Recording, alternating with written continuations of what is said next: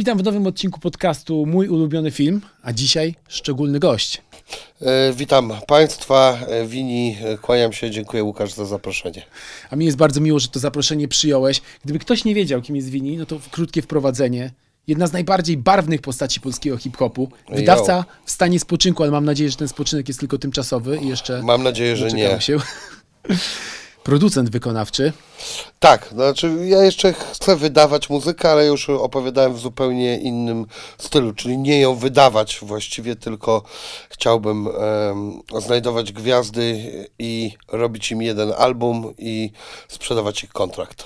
Czyli chcesz być takim um, trochę specjalistą od diamentów, wyłuskujesz te takie małe talenty. Tak, może to być też e, produkt zupełnie, może być e, różnie, różne opcje biorę pod uwagę.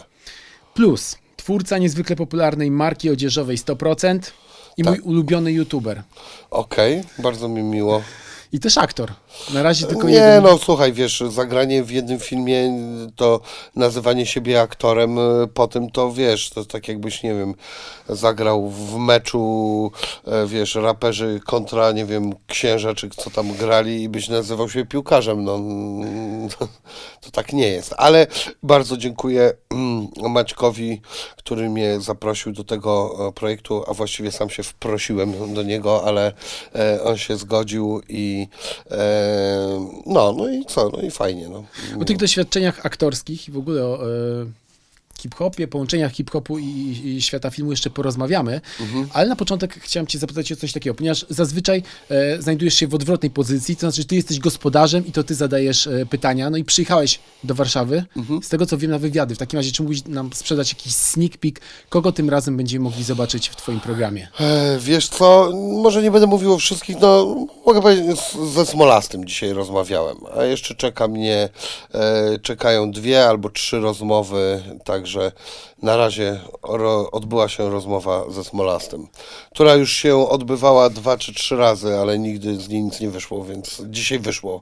Właśnie przesyłam film do, ten, do internetu. Doskonale. E, tuż przed nagraniem wspomniałeś o tym, że zależy Ci na tym, żeby więcej aktorów i w ogóle jakby twórców kina pojawiało się w Twoim programie, bo kilku już miałeś. Miałeś między innymi Krzysztofa Skoniecznego, e, dwa razy był Jakub Żulczyk, mhm. E, Sebastian Fabiański. Kto w takim razie znajduje się jeszcze na liście życzeń? To może w takim od razu będziemy wiedzieć. Wiesz co, dużo różnych ludzi, jakby, ja Ci powiem, ja mam bardzo prosty klucz do e, mojego e, programu. Czyli tak, albo chcę ludzi sławnych, po prostu oni robią obejrzenia, a ja na tym e, zarabiam. Poza tym to też powiększa kanał, więc jakby jest tam tych zysków parę przynajmniej. A druga rzecz to są ludzie, którzy mnie interesują. Bardzo rzadko mogę zrobić rozmowę z kimś, kto mnie aż tak nie interesuje, za nie ukrywam nawet pieniądze.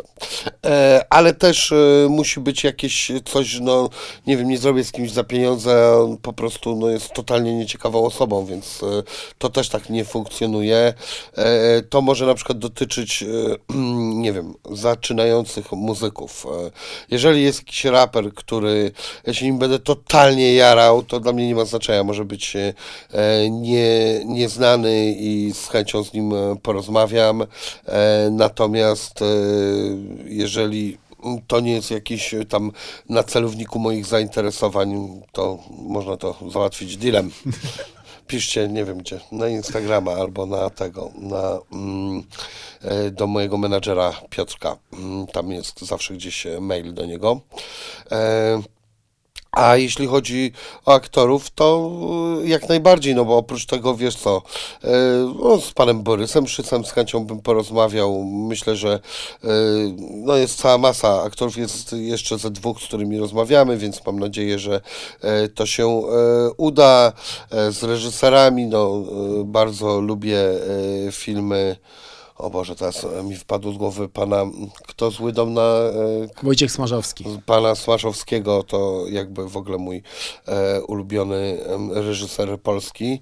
E, bardzo lubię jego filmy. Wiem, że to jest osoba e, trudna do spotkania się, Prawda. ale, e, ale na pewno byłaby to ciekawa rozmowa, tak zakładam. E, no w ogóle wiesz, nie wiem, z panią Magdą Gessler bym z chęcią porozmawiał, albo na przykład z panem Makłowiczem. E, e, z politykami z chęcią bym rozmawiał. Nie ze wszystkimi, ale z, z niektórymi też z chęcią odbyłbym, odbyłbym rozmowę. No to jeżeli chodzi o Roberta Makłowicza, to możesz na przykład uderzyć do znajomych e, z niuansa. Z tego co wiem, no, w niuans radio Wiesz on ma co, myśmy już audycje. się kontaktowali e, z menadżerem, e, ale jakoś tam na razie chyba pan Makłowicz nie miał czasu, albo może ochoty, też jakby to rozumiem, ja nie- się nie obrażam, że ktoś, nie wiem, nie chce przyjść do mojego programu, rozumiem też proste takie rzeczy, jak ktoś jest bardziej znany i ktoś mniej. I to jest dla mnie e, normalna rzecz, że ludzie patrzą na jakiś e, swój e, przychód i to nie mówię o przychodzie finansowym, tylko o takim zwykłym, no jeżeli wiesz, Pan Makłowicz jest osobą znaną w całej e, Polsce, więc e, ja nie, więc e, ja też rozumiem, że na przykład może go to nie interesować najzwyczajniej w świecie, ma inne rzeczy do roboty. Zakładam, że jest na pewno bardzo zajętą osobą, no nie? Ostatnio miałeś też wywiad z antyterrorystą. To w ogóle mi ciekawi kulisy, jak doszło do tego spotkania. Załatwił mi to znajomy i to właściwie tyle, co powinienem na ten temat powiedzieć. E, No właśnie wiesz co, takie ciekawe zawody też mnie interesują. Chciałbym na pewno rozmowę z prostytutką przeprowadzić, co jest bardzo trudno. E, Bardzo mi się podobało. mm, Jak zadzwoniłem aż do Krakowa, e, bo po różnych miastach szukałem dziewczyny i na przykład jedna dziewczyna mi powiedziała, Mój zawód polega na dyskrecji. Wow, kurde, dobra, szanuję takie podejście, nie ma problemu. Nie, nie pytałbym o, o klientów, e, kto tam dokładnie, czy pan Tomek, czy pan Zenek e, przychodzi do, do, do tej dziewczyny, ale e, rozumiem to. No, pewnie kiedyś może się w przyszłości coś takiego wydarzy jeszcze, no nie? No, niedługo premiery będzie miał taki film jak Dziewczyny z Dubaju. Myślę, że te- wtedy temat prostytucji też e, stanie się szeroko nagłośniony po raz kolejny. No tak, ale to jakby y, ja mm, jeszcze, wiesz co, tutaj y, trochę mi brakuje takiego profesjonalizmu. Ja tak nie śledzę bardzo rzeczy, że akurat ja muszę z kimś rozmawiać, bo ktoś wydał płytę, książkę albo coś. Czasami nawet lekko mnie to irytuje, jak e, ludzie typowo traktują e, mój program jako tubę propagandową, e, ale też no to jest e, różnie. No. Dzisiaj rozmawiałem akurat e, z e, bardzo fajnym raperem, moim kolegą, e, który mm, powiedział, dobra, ty zróbmy to za miesiąc, bo ja płytę będę wydawał za półtora czy coś, no, to nie ma problemu. A jak ktoś mi mówi na przykład coś takiego, że no to może tak, a może nie, ale to zróbmy za pół roku, może ja wydam wtedy płytę, to tak trochę mnie to zniechęca. W swoich wywiadach często podkreślasz, że lubisz rozmowy, a nie wywiady, w związku z czym mam nadzieję, że to nasze spotkanie właśnie będzie lekką, potoczystą rozmową. Będziemy rozmawiać o twoich ulubionych filmach. Okej. Otrzymałem listę od Mhm. twojego menadżera i jest to bardzo zróżnicowana lista. E, nawet sobie rozdzieliłem te wszystkie tytuły na takie trzy mniej więcej segmenty, bo z jednej strony filmy Tarantino, to jest e, coś, co wspomniałeś, wszystko, wszystko co wyszło spod ręki Tarantino, zawsze Wiesz się co, nie wiem, czy ja widziałem wszystko. Myślę, że widziałem prawie wszystko, albo większość.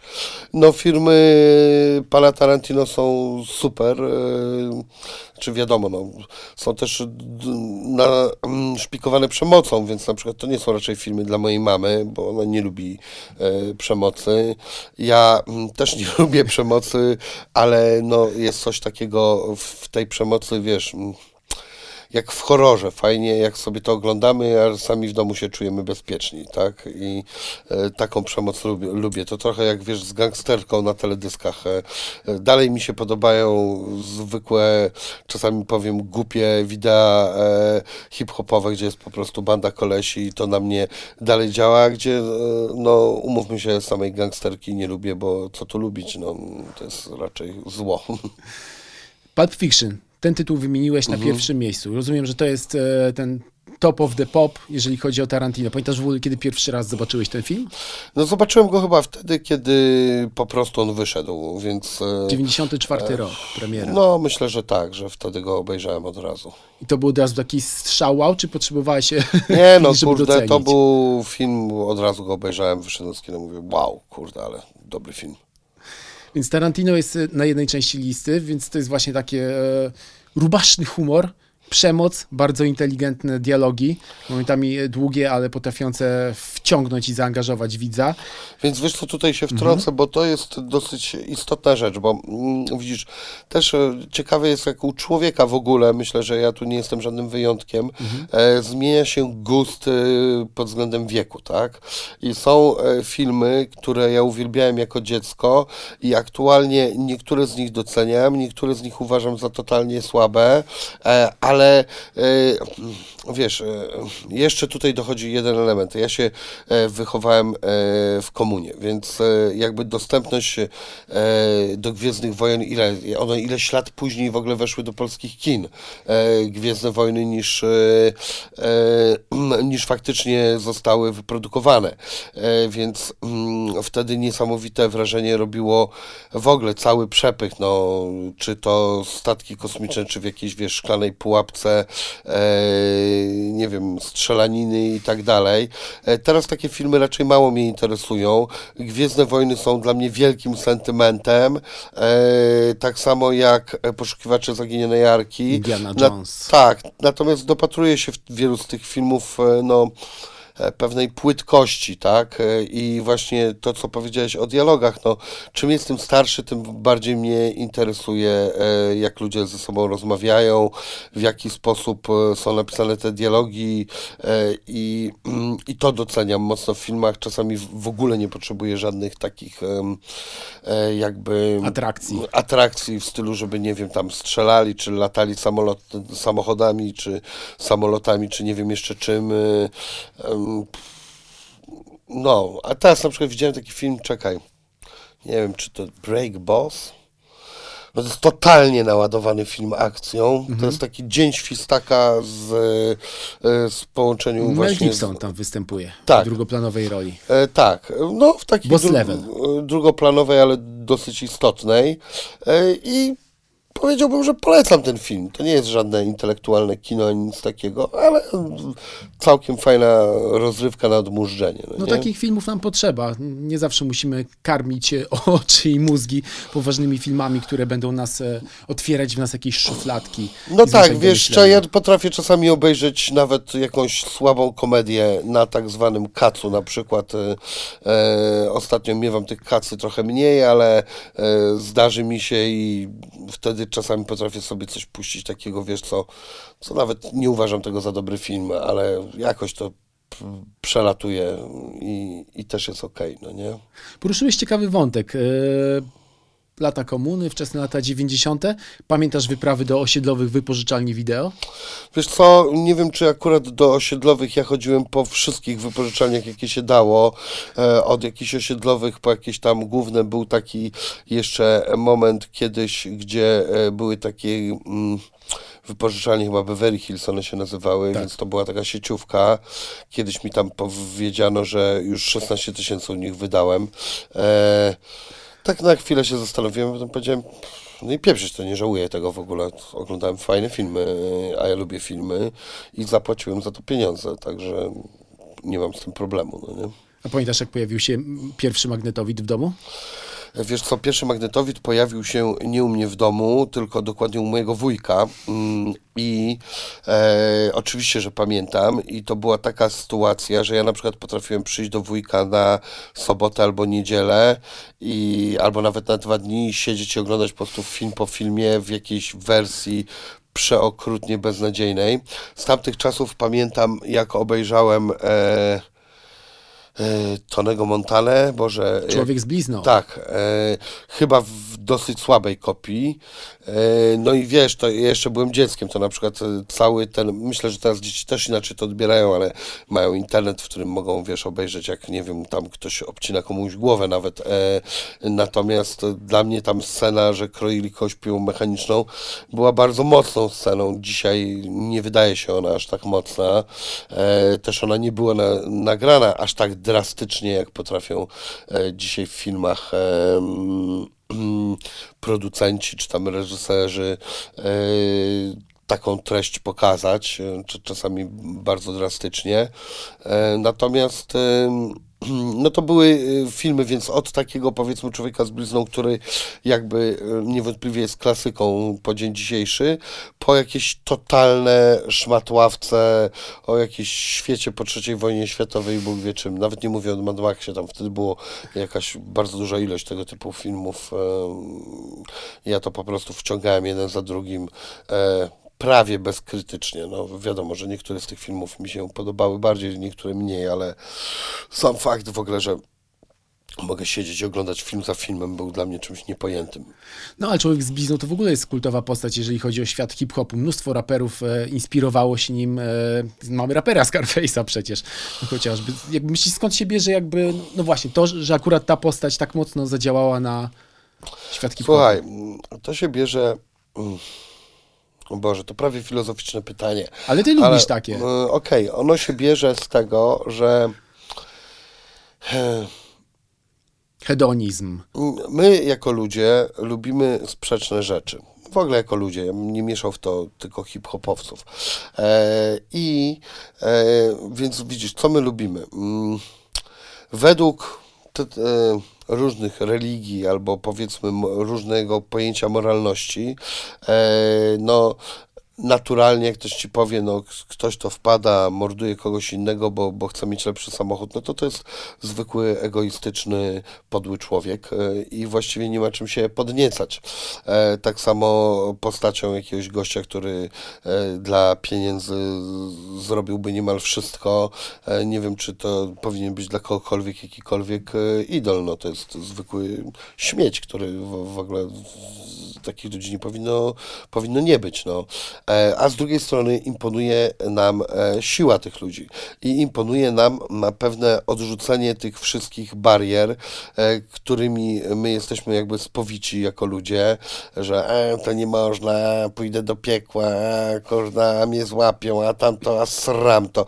A prawda jest taka, że jesteśmy egoistycznymi zwierzętami, które chcą e, po prostu... Mm, e, ugrać swoje. Chcą, e, tak naprawdę w dupie mają wszystko inne, tylko siebie i swoich najbliższych, chociaż staramy się w jakichś tam e, ramach poruszać e, i, i wiadomo, że każdy ma swoją empatię większą albo mniejszą, więc to jest taka trochę sprzeczna rzecz, a to jest tak jak z tymi klipami, gdzie ci powiedziałem, ja lubię hardkorowe wideo i naprawdę bardzo lubię takie wideo, gdzie stoi ekipa i jak to mówią ludzie spoza klimatu machają łapami.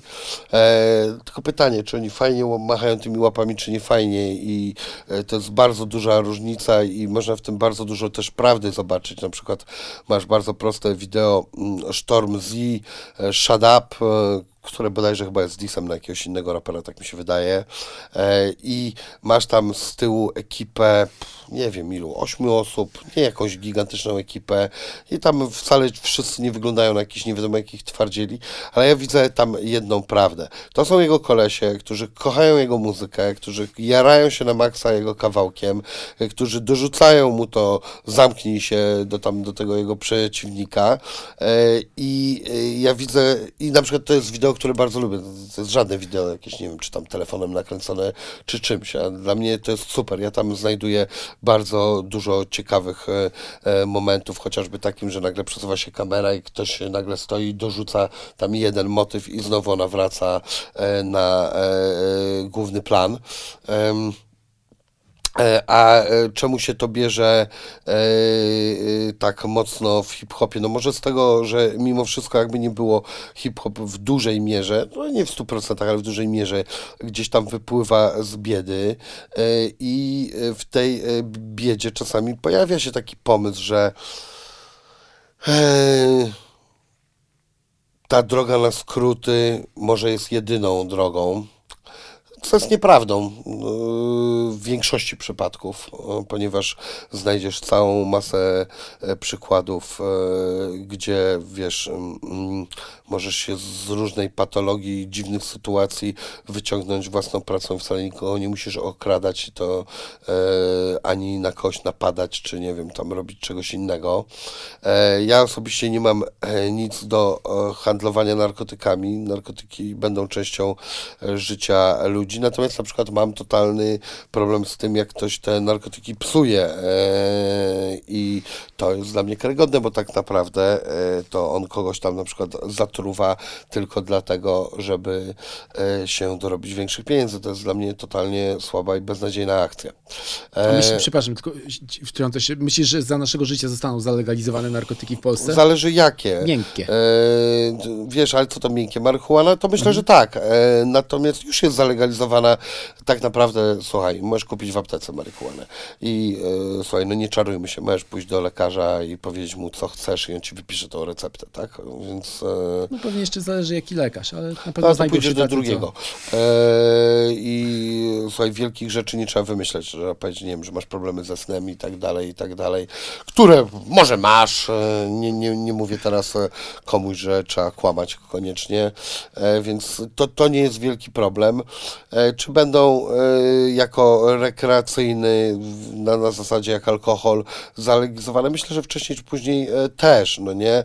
Natomiast kiedyś to bym ci powiedział jako, mm, że tak powiem, zbuntowany młodzieniec, że w ogóle wszystkie powinny być zalegalizowane. Jak chcesz sobie herę przywalić, to sobie przywal, to jest twoja sprawa. Dzisiaj tak nie uważam. No nie uważam, że heroina powinna być do kupienia w sklepie i uważam, że mogłoby to naprawdę wprowadzić spory chaos do naszego życia. E, kokaina na przykład była dawno temu e, dostępna w aptekach, e, tylko tak zwana kokaina syntetyczna, e, więc e, to, już przed wojną jeszcze coś takiego miało miejsce. E, jak czytałem biografię e, Keitha Richardsa, to on mówił, że oni mieli kokainę syntetyczną jeszcze normalnie taką z, od jakichś firm farmaceutycznych i że ona była lepsza niż jakakolwiek kokaina kiedy, kiedykolwiek później w życiu brał. E, więc y, tutaj nie wiem, czy kokaina powinna być, czy nie. Może powinna, może nie. E, Natomiast marihuana chyba tak, no wiesz, y, generalnie na samym końcu chodzi o jakby samą kontro samokontrolę, no nie? No i z tym ludzie czasem mają problemy. No, większość ludzi ma z tym problemy i tu ja nie jestem na przykład osobiście żadnym wyjątkiem, ale wydaje mi się, że wiesz, no, trzeba sz- szukać najpierw e, problemu u siebie, a nie wszędzie na zewnątrz, a nie to, to teraz ja nie mogę, to wiesz, no, słuchaj, prosta rzecz, e, a na przykład e, ten, co z kartelami cukrowniczymi? To jest Cukier dopiero to jest narkotyk. dopiero narkotyk, y, od którego ja osobiście jestem też uzależniony i którego sobie staram się możliwie jak najbardziej odmawiać, y, ale ja mam zachowania totalnie narkotyczne. Ja nie umiem zjeść jednego kawałka czekoladki. Jeżeli ja po prostu sięgnę po czekoladę, zjem całą czekoladę, jeszcze pudełko Raffaello i wszystko, co będzie pod ręką. E, Mam dokładnie tak samo. Ważyłem kiedyś 150 kilo, więc Naprawdę? czymś tak. O, proszę, no to dobrze. Jest Ale to jest jak uzależnienie, co nie? E, uważam, że jest i uważam, że cukier jest tak cholernie uzależniający. E, no jak cholera, na przykład ostatnio czytałem, że w Subwayu masz bułki e, naładowane cukrem, tego cukru nie czuć, to po co oni ten cukier dają? Oni wiedzą, że podświadomie wracasz e, do tego produktu. I ja raz na jakiś czas lubię zjeść sobie bułkę z Subwaya. E, nie będę mówił, że to jest jakiś najlepszy sandwich, bo nie jest, ale e, akurat całkiem mądrze zrobili, bo teraz je wprowadzili na stacjach benzynowych i e, czasami w takiej na przykład podróży e, między Szczecinem a Warszawą, to powiem Ci, że to jest taka jedna z nielicznych rzeczy, które, e, które można zjeść i, i mi na przykład smakują, no nie? Rozmawialiśmy o teledyskach, wspomniałeś o tym, jakie teledyski lubisz, a ja chciałem porozmawiać o twoich teledyskach, ponieważ jestem wielkim fanem, zwłaszcza dwóch dzieł. To pokażę Ci po spotkaniu najnowsze dwa. Essa, Sound, Heavy Metal, Funky, Rzucam. To są dzieła jedyne w swoim rodzaju. Rzucam, no, to momentami wygląda jak, sekwencja senna z filmu Felliniego i chciałem cię zapytać w ogóle o, o inspirację i jak to się rodziło. Jeżeli nie widzieliście, to zobaczcie na YouTubie, polecam. Mm, Wiesz co, zrzucam było tak, że mm, zaproponowali mi e, producenci e, tego teledysku, że zrobią mi taki teledysk po e, niewielkich kosztach również sympatii e, do mojej muzyki. To była ekipa Hall in Moon, dziura w tym, Boże, mm, Księżycu.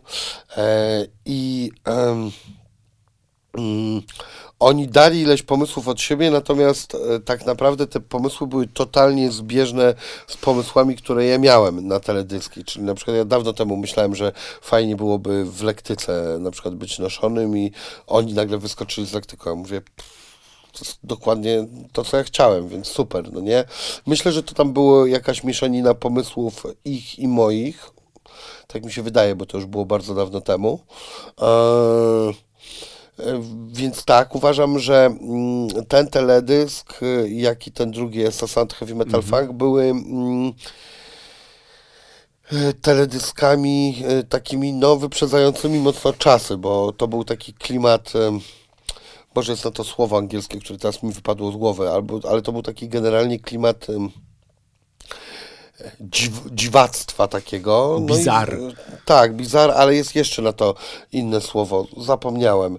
E, no w każdym razie e, ten, e, e, te teledyski mocno wyprzedzały swoje czasy, wtedy nie było The Antwort, e, e, tylko no jeszcze gdzieś tam one powiedzmy e, mają jakieś swoje wady, ale to może takie, wiesz, myśmy nie mieli na to takich budżetów, żeby siedzieć na tym po parę dni i myślę, że w tym czasie, w którym myśmy to wykręcili, a e, tak naprawdę e, ten heavy metal to był robiony w jeden dzień, a tamten e,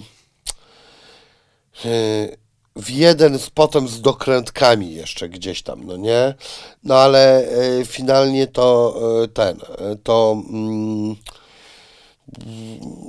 no jestem nawet całkiem dumny z tych e, dokonań i e, to jest też trochę mój problem, bo ja bardzo często wyskakuję z rzeczami o 5-10 lat za wcześnie i nic na tym nie zbijam żadnego kapitału, więc e, e, to był też taki trend, którego wtedy nie było. Dzisiaj takich teledysków jest od cholery e, i wiesz, nie wiem, różni youtuberzy teraz sobie załatwiają kolegę Karła, ja mówię, jak Karły miałem 10 lat temu, Karły są już nudne.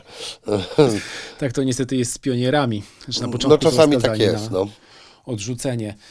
A jak było w ogóle z aktorami, którzy występowali w tych teledyskach? To byli w większości twoi koledzy, czy też zatrudnialiście kogoś? Głównie moi koledzy, no. Nie było problemów, jak na przykład opowiadałeś im o idei, co, co będzie w Wiesz teledysku? żeby nie, bo ja mam różnych wyluzowanych kolegów. Na przykład jeden e, kolega grał takiego e, pokrakę z e, tego niemal z Pulp Fiction i on był na smyczy czy prowadzany i to jest mój zajebisty kolega, który w ogóle nie ma problemu z takimi rzeczami.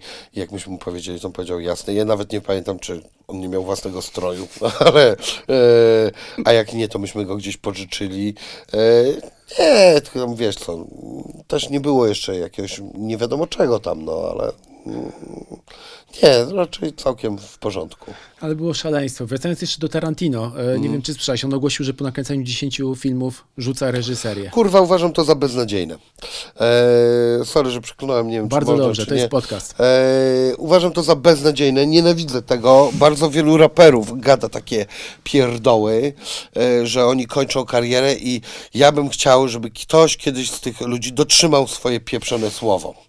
Po prostu weź, miej człowieku jedny z drugim klasę, jak coś powiedziałeś, to zrób tak, jak e, powiedziałeś. Oczywiście od większości tych ludzi nie można żadnej klasy oczekiwać, więc jak oni zapowiadają, że kończą karierę, to już e, czekam, kiedy następna płyta ma być, bądź nie czekam, bo gówno obchodzi mi ich muzyka, ale e, generalnie zakładam, że to jest raczej zwykłe jakieś e, pieprzenie. Są na to ró- różne powody. Są takie, oni czasami faktycznie są zasmuceni i e, e, im się wydaje, że oni tu skończą tą karierę, potem jest takie tłumaczenie, no jednak fani mnie wyprosili. E, strasznie to kundlowskie.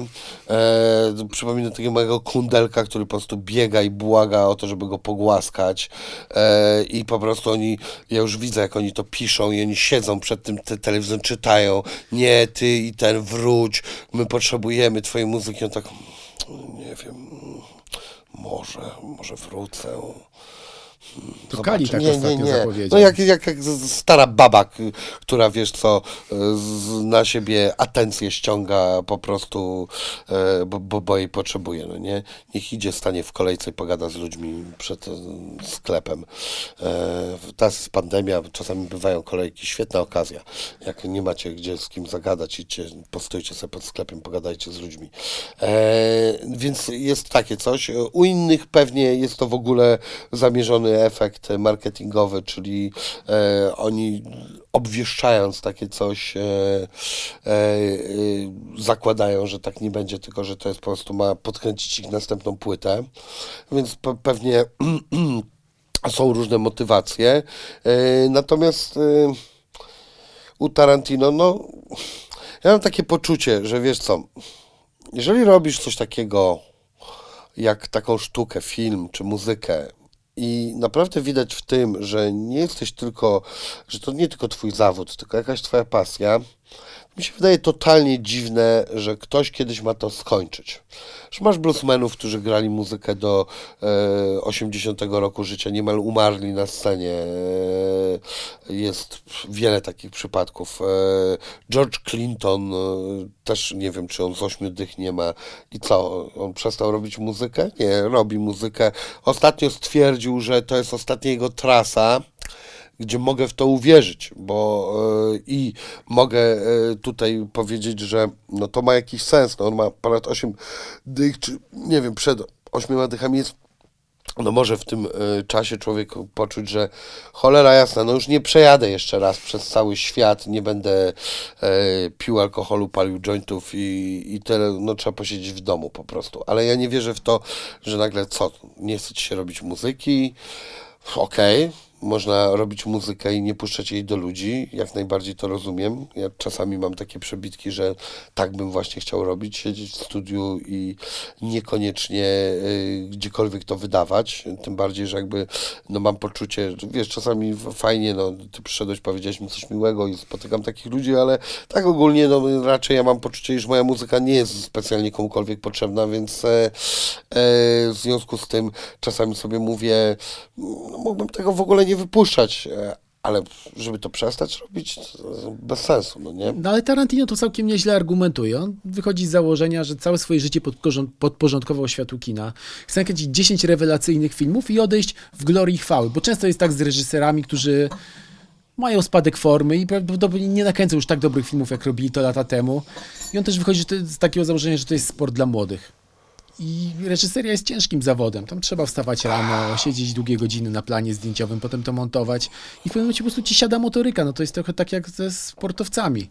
A nie lepiej zrobić 10 świetnych filmów i odejść jako ten zapamiętany, który zrobił 10 rewelacyjnych rzeczy, zamiast potem mówić, a Tarantino kiedyś to robił, ale teraz to już dajmy spokój. Widzisz, to jest trochę taka gadka jak z za długimi płytami. Yy, I ludzie mówią często, o, przepraszam, że e, płyta jest za długa.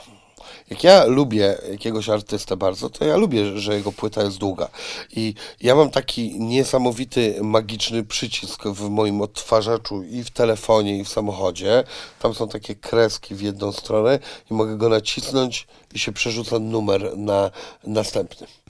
I jak mi się po prostu nie podoba, to go po prostu przerzucam. E, I trochę tak z filmem. Okej, no może takie, że wszystkie walki wygrałem, więc już nie będę więcej walczył, bo w końcu jakoś przegram i nie powiedzą, że nie byłem niepokonany. E, ale gdyby pan Tarantino sobie nakręcił jakiś tam e, film, który mniej by mi się podobał, na przykład ja nie mam totalnie zajawki na te jego e, te mm, filmy, horrory klasy B.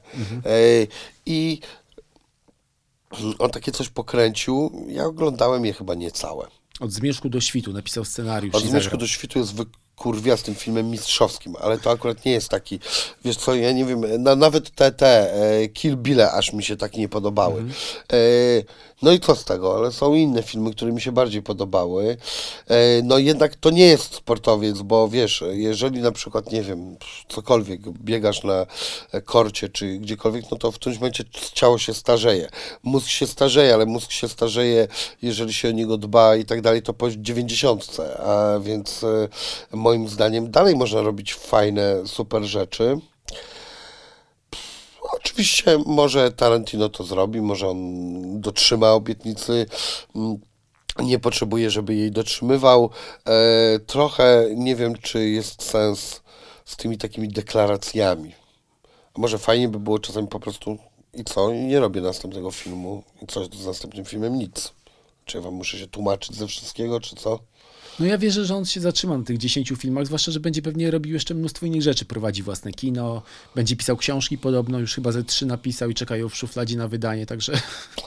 No zakładam, że jest to bardzo e, ten, że jest to bardzo e, twórcza osoba e, z bardzo fajnym warsztatem e, i e, jeśli chodzi o przynajmniej kino, mm, tak, może robić inne rzeczy, nie wiem. No szkoda by było, żeby ten, e, żeby skończył na tych 10 filmach. Ja, ile? Czy to jest młody koleś, co on ma 50 lat? No, czy... już pod 60 podbiega. No to dalej jest w takim pojęciu e, ten. Przecież e, tutaj polski reżyser pan Wajda do końca kręcił filmy, tak?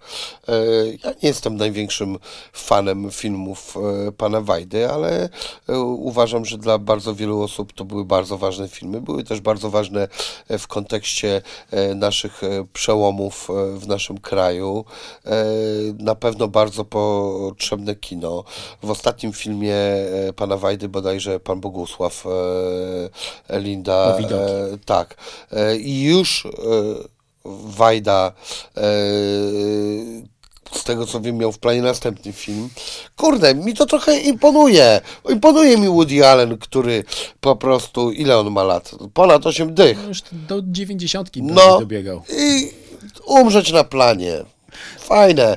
E, Ja rozumiem, że e, wiesz, co człowiek to inna historia, ludzie mają też takie sytuacje, że chcą najzwyczajniej w świecie e, może odpocząć, też mają prawo, e, tylko że ja wiem jedną rzecz, że te pasje też dają nam dłuższe życie. I ludzie, którzy są pełni pasji, e, zazwyczaj żyją dłużej, e, mają się lepiej, mają coś e, dalej do zrobienia. Wiesz, natura jest bezwzględna i jak to się mówi, natura nie lubi próżni. I znasz na pewno wiele takich historii, jak ktoś przechodzi na emeryturę i nagle, kurna, trzy lata, wie, wszystkie choroby świata go do, do, padły i on nagle umarł. A przedtem wszystko było dobrze i on nie wie, co ze sobą zrobić, no nie? Może akurat jeśli chodzi to ko- konkretnie Tarantina, to on tam ma tysiąc jeszcze innych pomysłów, nie wiem. Podobno jego cały dom jest zawalony karteluszkami z pomysłami, a każdy pomysł to jest taki, że wysokiej klasy reżyser zajarałby się tym totalnie i padł na kolana i chciałby to zrobić. Tak twierdzi jego kumpel Robert Rodriguez, który często bywał u niego w domu co chwila znajduje jakiś nowy, świetny pomysł na film i pyta go, kiedy mu go sprzeda. Eee, No właśnie, no i, i czemu te fajne filmy miałyby nie powstawać? Niech je sprzeda temu Rodriguezowi, jak już sam nie chce, no. No, kasy to on ma dużo. No dobrze. Ale Tarantino- wiesz, że sprzeda to jakby, w sensie może mu sprzedać, wiesz, za milion dolarów albo za, za 10 albo za dolara, no, ale jeżeli takie fajne są te pomysły, to, mm, to czemu nie? Ja też mam super pomysły na filmy. Wpadajcie do mnie, sprzedam chętnie. Na przykład. Eee, no mogę Ci opowiedzieć na przykład jeden pomysł. Super. Eee, eee, więc em, takie po, pomieszanie powrotu do przyszłości z Cats Vegas e, e, Las Vegas, tak to się nazywało? Tak, no. No i e, w niedalekiej przyszłości są e, e, jest teleportacja. No i ta teleportacja wygląda tak jak dzisiaj podróżowanie samolotem. Przychodzi się z paszportem, z wizą, jak gdzieś trzeba wizę, z biletem, e, z bagażami i cię teleportują. No i jest taki jakby e, drugi obiekt teleportacji, gdzie młodzi ludzie teleportują się w różne miejsca dla zabawy. Na przykład do Nowego Jorku idą do klubu i o 6 rano wracają do jakiegoś miejsca, gdzie mogą się teleportować na lewo z powrotem. Nie, to kosztuje w cholerę mniej pieniędzy, nie trzeba e, paszportu i niczego nie trzeba, po prostu nielegalna teleportacja. No i generalnie przychodzą do takiego nielegalnego teleportera e, pięciu, czy tam czterech, czy iluś tam kolegów, ilu ich powinno być, może trzech e, i nie, bardziej pięciu. E, I oni, e, każdy z nich już wziął jakąś substancję wspomagającą e, i temu całemu facetowi od teleportacji wylewa się przysłowiowa kawa na tę jego maszynerię, czy coś tam się dzieje jakiegoś i on ich wszystkich teleportuje, ale każdego w inne miejsce. No i jakby chodzi o to, że wszyscy muszą wrócić szczęśliwie do domu. No i jeden jest na przykład gdzieś tam, nie wiem, w jakimś Amsterdamie, w którym po prostu wszyscy mają w dupie nielegalną teleportację, ale są miejsca, do których do tele, nielegalnej teleportacji podchodzi się jak dzisiaj do narkotyków, czyli w jednych miejscach nie ma nic albo mała kara, a w innych, nie wiem, się zabija za to ludzi. E, no a drugi trafia właśnie gdzieś, nie wiem, do Chin albo wyrzuca gdzieś go do jakiejś tam e, Afryki, gdzie jest jakiś, e, nie wiem, straszny dyktator i tak dalej i on może zaraz zginąć. No i takie, na przykład taki pomysł na film no nie? No to słuchaj, spisujesz go na dwóch stronach, tak zwany synopsis. E, masz Macieja Kawulskiego wśród znajomych, możesz, pewnie już mu opowiadałeś. Opowiadałem, Maciek ma własnych, e, pomysły na własnych filmy, całe masę i nie chcę słuchać moich pomysłów. A zobaczymy cię w jego kolejnym filmie, jak pokochałem gangstera, bo tak to się chyba, chyba nie, nazywa. nic o tym nie wiem, e, także chyba, chyba, chyba nie, ale może w jakimś kiedyś jeszcze innym, nie wiem, zawsze Maciek czekam, jak coś, wiesz, że jestem gotowy. E, no, ale mm, nic mi o tym nie wiadomo. E, natomiast widzisz, no na przykład ten film, co ja Ci opowiedziałem, to jest raczej film ciężki do zrobienia w Polsce. E, Budżet. no, to jest wysokobudżetowy. Ja mam bardzo dużo pomysłów, naprawdę, i teraz nie chcę wszystkich opowiadać. Mam takie, które też można opowiedzieć dosłownie w jednym zdaniu. Fajne pomysły na filmy. Na seriale mam pomysły. Właściwie teraz jedyne, co próbuję wymyślić i trochę mi ciężko z tym idzie, a nie, Mam też pomysł, tylko on jest taki kurwa dołujący, że nie wiem, czy chciałbym go nawet z, zrobić, no nie? Ale mi się strasznie podobają filmy, które są niskobudżetowe, a są super. Na przykład takim filmem, który strasznie polecam jest... E, Człowiek z Ziemi. Są dwie części w ogóle. Uważam, że druga nie jest wcale aż taka zła, ale jest gorsza od pierwszej, na pewno. No i to jest film, który się dzieje, po prostu jest, nie wiem ile tam, pięciu czy ośmiu aktorów. On się dzieje w jednym miejscu praktycznie. E, ja cały czas e, siedzę i to oglądam, wiesz, z rozdziawioną mordą, no nie? No to teraz jest najlepszy czas w ogóle, żeby robić. E, Okej, okay, jest pandemia, ale generalnie wjechał Netflix, jest więcej producentów, e, którzy chcą robić nowe, ciekawe pomysły. Wydaje mi się, że już takie smutne, małe obrazki z życia przechodzą powoli do przeszłości, a producenci polscy szukają właśnie takich odjechanych e, rzeczy, które będą świeże i które będą miały... Zgłaszajcie się do mnie, mam całą głowę pełną tego. Jeszcze e, muszę wspomnieć w ogóle, że mm, już nawet pisałem scenariusze z moim kolegą e, Bakim, takim moim e, towarzyszem e, wśród różnych pomysłów, współtwórcą marki 100%. I myśmy to pisali ileś lat temu i powiem Ci, że mieliśmy taką ciekawą historię, że wysłaliśmy jeden nasz chyba pierwszy odcinek do HBO i oni napisali nam takie coś, że hmm, całkiem nawet niezłe, Sęk w tym, że my właśnie kręcimy taki film. Nakręcili? E, tak, oni kręcili Ślepnąc od świateł i nasz film był, e, to nie było e, takie samo, ale miał bardzo dużo e, cech wspólnych. Sam bohater główny był bardzo podobnie skonstruowany jak w Ślepnąc od świateł. E, No i, i, uwa- nawet myśleliśmy, czy nie dokończyć tego, bo e, mieliśmy naprawdę dużo fajnych w tym pomysłów i mieliśmy dużo fajnych dialogów. E, e, jeszcze pracowaliśmy nad konstrukcją tego wszystkiego, bo no, my jesteśmy obydwoje amatorami, kupiliśmy sobie książki, jak się pisze scenariusz. E, Baki przeczytał e, cały, ja prawie nic i poprosiłem, żeby mi opowiedział. E, natomiast nie będę tutaj twierdził, że jesteśmy w tym zawodowcami, bo totalnie nie jesteśmy, ale myślę, że mamy e, bardzo.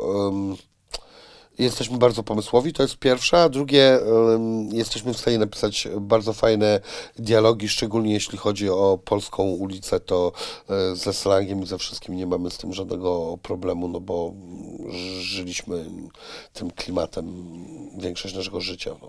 No to w takim razie trzymam kciuki, żebyście e, kontynuowali waszą pasję i żebyście się nie poddawali, bo to chyba najgorsze jest to, żeby przysiąść i siedzieć. Wiesz co, nie, chodzi o to, że ile rzeczy jesteś w stanie robić. Teraz tak, ja sobie zajmuję się tym YouTube'em. Dlaczego? Dlatego, że mm, e, ja zarabiam na tym pieniądze, to jest normalnie moja praca. E, w zeszłym roku na początku ja myślałem, że przejdę na emeryturę, ale COVID e, bardzo dużo rzeczy u mnie pogmatwał. Jakieś tam majątek, który chciałem sobie spieniężyć, okazało się, że jest dużo trudniejszy do spieniężenia, albo na przykład mogę go po prostu sprzedać za jakieś grosze. No, nie zamierzam mojej spuścizny sprzedawać za grosze, e, więc e, na przykład zajmuję się e, teraz takim czymś również, no nie? To pochłania mi dużo czasu. Jak parę rzeczy już sobie ułożę, czyli na przykład skonstruuję ekipę, która będzie mogła mnie odciążyć. Mam już, współpracuję mm, z moim menadżerem Piotkiem i, świetnie, ale on nie jest też w stanie wszystkiego ogarniać. Także jak już sobie parę takich rzeczy ułożę, to może właśnie wrócę do tego pisania tych scenariuszy. Chciałbym zrobić jakiś film w życiu. No, ale go wyprodukować. Też, też do tego trzeba mądrze podejść, bo sprzedanie samego scenariusza, e, to można na tym dostać jakieś gówniane pieniądze. 100 i- tysięcy to jest taka stawka mniej więcej. no to to jest w moim pojęciu, to są gówniane pieniądze. To znaczy, niech ktoś sobie nie myśli, że e, jestem taki zarobiony, że 100 tysięcy to jest dla mnie eksplodność, bo nie jest. Natomiast e, w perspektywie, ja zawsze patrzę, czy coś jest tanie, czy jest drogie, w perspektywie do tego, e, czym to jest, tak? Jeżeli e, powiesz mi, że za 200 tysięcy jest do kupienia e, nowa S-klasa, to pewnie załatwię 200 tysięcy ją kupię, bo wiem, że za 300 bym ją sprzedał zaraz, albo i za 400. Zależy jeszcze jak ona jest oczywiście uposażona, no ale przeciętna S-klasa nieuposażona, nie wiadomo jak, to jest pół miliona złotych. E, I tak samo jest ze scenariuszem. To jest jednak, żeby zrobić coś takiego naprawdę fajnie, to to jest... E, oprócz wymyślenia, siedzenia i tak dalej, to to jest po prostu od cholery e, później dopieszczania tego wszystkiego, tak? A poza tym, jak sprzedasz ten scenariusz, to jeszcze ktoś może wziąć ten scenariusz i po prostu zrobić z niego totalny szajs. Albo, a może nie szajs, ale coś, co mnie nie będzie zadowalać. Rozminie się swoją wizją artystyczną. Na przykład. I wtedy taki film warto e, wyprodukować. No mi się wydaje, że mm, fajnie jest zarobić milion albo dwa miliony niż 100 tysięcy. No ja myślę, że można zarobić jeszcze więcej. Ostatnio sprawdzałem, e, ile zarobił film Claire, bo sprawdzałem listę najbardziej kasowych polskich filmów po 1989 roku. 100 milionów złotych. Więc zakładając, że budżet wyniósł około 10 milionów, część dołożył jeszcze PISF, no to myślę, że producent tego filmu po zrobieniu Claire już nie musiał nic więcej robić. To, No i to brawo. są aż tak konkretne pieniądze. I brawo, no to super, to ja chcę 50 albo 80 milionów. No to w takim razie trzymam kciuki, ale wracając do filmu Człowiek z Ziemi, bo to jest historia gościa, który odkrywa przed swoimi znajomymi, że żył 14 tysięcy lat. 40 chyba Albo, bodajże. albo, albo i 40. Ty jesteś taką osobą, mówiłeś to chyba w trakcie jednego ze swoich programów, że poszedłbyś to i chętnie byś przeżył te 14 tysięcy lat. Słuchaj, ja bym przeżył i w ogóle ch- chciałbym żyć nieskończenie długo, tylko byle, żeby to było fajne życie, no nie? Ale jest to możliwe, nie? Znaczy ja mam takie poczucie, że na przykład Jeff Bezos już y, mógł przegrać swoją świadomość na dyskietkę i ma swoje klony. Znaczy, aha, no ale widzisz, to znowu jest bardzo mocna filozofia, bo przy przegranie świadomości e, i potem jej włączenie w jakimś e, nowym tworze, nieważne czy to Awatarze. jest cyborg, czy co to jest, czy to jesteś faktycznie ty, czy to jest tylko twoja świadomość, bo e, to, że ktoś skopiował twoją pamięć i to wszystko, to nie znaczy, że e, coś, co się pojawi w tym e, nowym awatarze, to będziesz konkretnie ty, a to chodzi o to, żebyś był konkretnie ty. Więc tutaj tak, no po pierwsze jest to wyłączenie starzenia się e, w organizmie, co ja o tym czytałem 10 czy 15 lat temu, e, że nad takimi rzeczami pracują, więc e, Harari twierdzi, że do 2050 roku coś takiego powstanie. Są ludzie, którzy twierdzą, że już jest coś takiego. No więc to jest jedna rzecz. Druga rzecz to, mm, wiesz, Później, e, nie wiem, może po prostu trzeba odciąć ten łeb i go gdzieś e, włożyć po prostu do czegoś, a może trzeba mózg wyciągnąć, a nie wiem, a może trzeba skopiować jego świadomość, tylko pytanie, czy e, ten awatar to będzie dalej ta osoba, czy to będzie osoba tylko z tamtą świadomością. Ale powiem ci, że ostatnio oglądałem na Netflixie taki czteroodcinkowy dokument, pewnie też już go widziałeś, Co taka małpka tam biega śmieszna? o biohakerach. A to nie. Boże, tytuł mi zaraz wypadł, ale znajdę na telefonie. Generalnie chodzi o to, że podobno e, takie eksperymenty właśnie nad genami, nad, to, nad tym, żeby na przykład wyciąć z tego całego łańcucha genów, e, gen starzenia się, one trwają i są to goście, którzy siedzą w swoich shopach i którzy kombinują e, z tego rodzaju eksperymentami. Mówi się o tym, że za 10 lat możliwe, że będziemy mieli takich współczesnych X-Menów, jak z komiksów, znaczy gości obdarzonych supermocami właśnie za Oczywiście, sprawą że tak, ale to jest w ogóle też taki przypadek, który mm, może być wielkim problemem dla świata. No, to jest e, niestety nieszczęście naszego fiat- świata, że te same cechy, widzisz jak z tymi gangsterami, co gadaliśmy, to tu jest siła i każdy chce siły, ale już nie każdy chce, wiesz co, e, czuć się bydlakiem, no nie? Selekcja nienaturalna, przy, przypomniał mi się tytuł. E, Aha, okej, będę musiał Polecam. sobie sprawdzić. Natomiast e, e, kiedyś była taka e, sytuacja, że na przykład 300, 500 lat temu, 300 już może trochę lżej, ale 500 i tak dalej, jak się urodziłeś w jakiejś kaście, to wybić się z tej kasty to było prawie niemożliwe. Musiałeś odpierdolić jakąś taką akcję, po prostu, że głowa boli.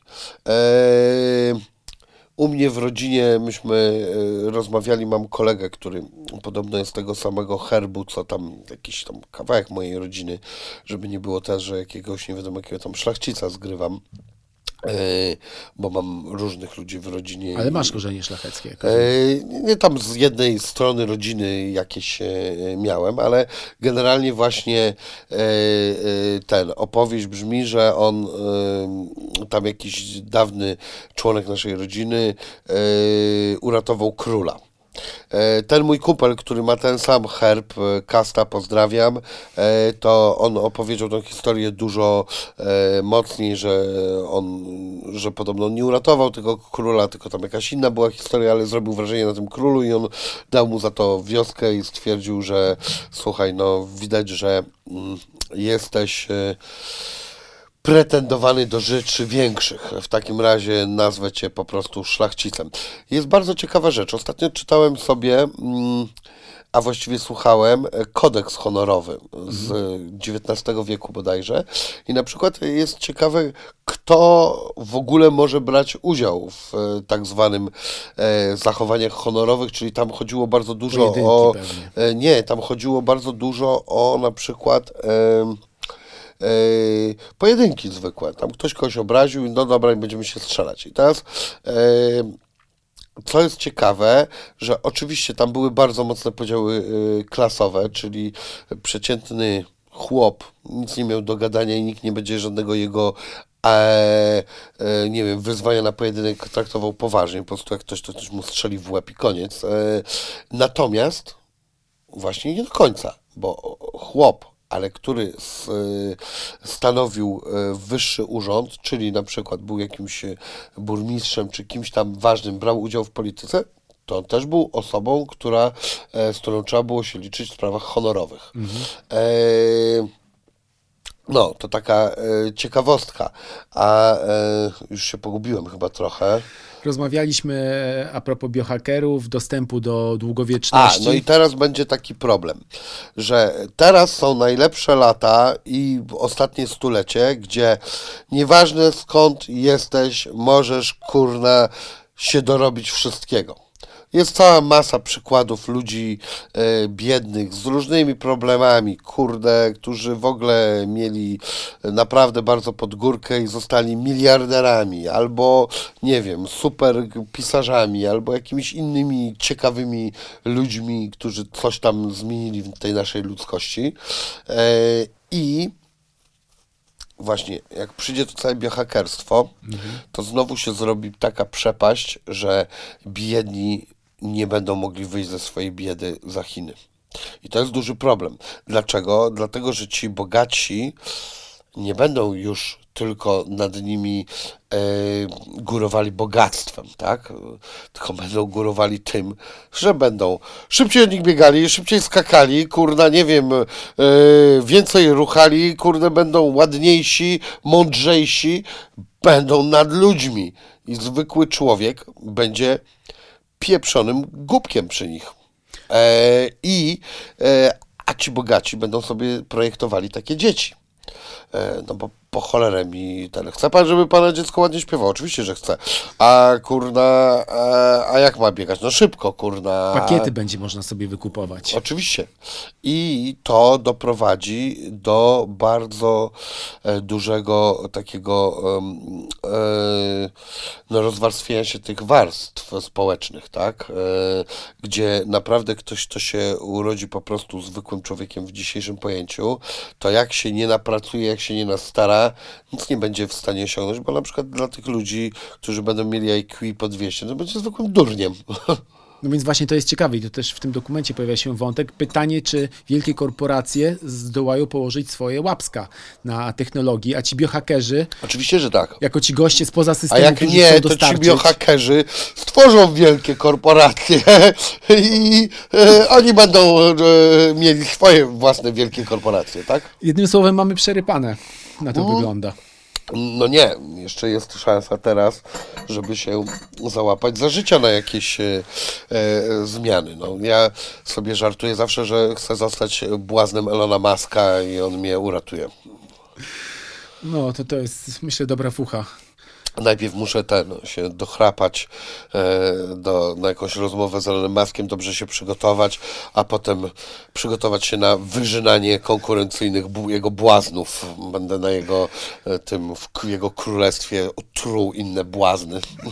Chociaż powiem ci, że jak na przykład patrzę na współczesnych miliarderów, to znacznie, y, Boże, z większym zaufaniem patrzę na Elona Muska niż na wspomnianego już Jeffa Bezosa. Jeff Bezos wydaje mi się e, cyborgiem stworzonym do zarabiania pieniędzy i podbijania świata. No ale Elon Musk, e, przynajmniej z tego oczywiście, co o nim wiemy, a wiemy e, to, co po części on chce, żebyśmy wiedzieli i tak dalej, no to e, wydaje się człowiekiem pełnym pasji i w ogóle kimś, kto chce tam zbawić ludzkość i tak dalej. Jeff Bezos mniej mi się wydaje taką osobą, ale też nie wiem tak dużo o nim, także czytałem teraz bardzo fajną książkę, o już nie teraz, z rok czy jakiś czas temu. E, kurde, nie wiem jak to się nazywa, ale chyba Wielka Czwórka, ale nie jestem pewien. W każdym razie traktuję to o Wielkiej Czwórce, czyli o Apple'u, Amazonie, Google'u i, e, i kto jeszcze jest? Microsoft?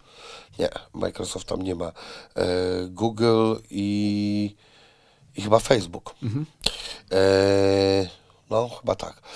E, no i mm, na przykład o Amazonie piszą niesamowite rzeczy. To oni mają w takie podobno e, ten, e, w takie technologie poinwestowane pieniądze, e, że, że, że to głowa boli. Tam przewidywali, że oni na przykład mogą w jakimś niedługim czasie zmonopolizować e, w ogóle frachty, przewóz statkami towarów i że oni teraz projektują takie statki, że ci goście, co robili te statki po kilkaset lat, to się nagle okaże, że mogą do lamusa odchodzić. Yy, oni będą mieli wszystko yy, zdalnie sterowane, tam na takim statku będzie parę osób, yy, albo w ogóle nikogo nie będzie. Wszystko będzie kosztowało mniej, lepiej będzie działało i tak dalej, i tak dalej, no nie? Wow, w ogóle do głowy by mi to nie przyszło, no nie? To jest w ogóle ciekawe i przerażające trochę, że mam wrażenie, że zbliżamy się do czasów, kiedy y, tradycyjny podział na państwa, wiem, Unii Europejskie, różnego rodzaju organizacje zrzeszające właśnie kraje zniknie, a tak naprawdę światem zaczną rządzić korporacje. Będziemy mieli na przykład część świata, która należy właśnie do Apple'a, część świata, która należy do Amazona i to to będą nowe współczesne państwa i to oni będą rządzić. Akurat na tym słyszałem różne teorie. Tak, jedną taką, że państwami będą miasta, e, czyli niekoniecznie korporacje, ale miasta. I po prostu takie miasto jak Nowy Jork, czy na przykład w Polsce Warszawa, to będzie jakby oddzielny byt. Drugą rzeczą jest taką też ostatnio gdzieś takie czytałem mądrość, że e, ten e, wierzchołek e, góry wygląda mniej więcej tak, że najpierw przed korporacjami są jeszcze bankierzy. Są bankierzy, dopiero są korporacje, potem są rządzący, a potem jest cała reszta. E, no są to rzeczy mi nieznane, które sobie mogę tam w jakiejś książce przeczytać, przecież ja nie mam bladego pojęcia, co robi rodzina Rothschild, e, czy e, jacyś tam współwłaściciele, nie wiem, Golden Sachs, e, jeszcze tych banków chyba są tam ze dwa jakieś takie duże, o których ja nic nie wiem, tak. E, nie wiem, co ci ludzie mają w głowie i, i jaka jest ich e, prawdziwa moc. Mm, Zakładam, że gigantyczna, bo przecież o takich na przykład Rothschildach mówi się no, wiele złego i jakby ich fortuna była e, budowana no, w bardzo agresywny sposób. Mm, Natomiast em, jednak e, taki Bill Gates robi coś razem z nimi, tak? Mm, więc e, który dla mnie jest jakimś tam symbolem od zera do milionera. Tam niech ktoś mi nie pierdzieli, czy on dostał milion dolarów czy jego mama znała e, kogoś w IBM-ie, bo e, cała masa ludzi dostali 10 milionów dolarów i kurna i nic z tym nie zrobili, kurna, oprócz fajnego zdjęcia na Instagramie albo gównianego. Więc to jest dla mnie self-made milioner i i na pewno nie ktoś, kto e, wywodzi się z jakiejś nie wiadomo jakiej e, tradycji biznesowej. E, w takim sensie, wiesz, jako, no, takie rodziny naprawdę wielkie to są majątki po kilkaset lat gromadzone, tak? E, też widać po tym, jak oni potem wychowują dzieci, e, nie na głupków i, i debili, tylko na kolejnych prowadzących te interesy, no nie? Widziałeś taki serial Sukcesja? Tak. E, męczę ostatni e, sezon. Chyba, a nie wiem czy drugi, czy trzeci, bo Na chyba razie dwa tylko dwa powstały. są. No pewnie trzeci wyjdzie.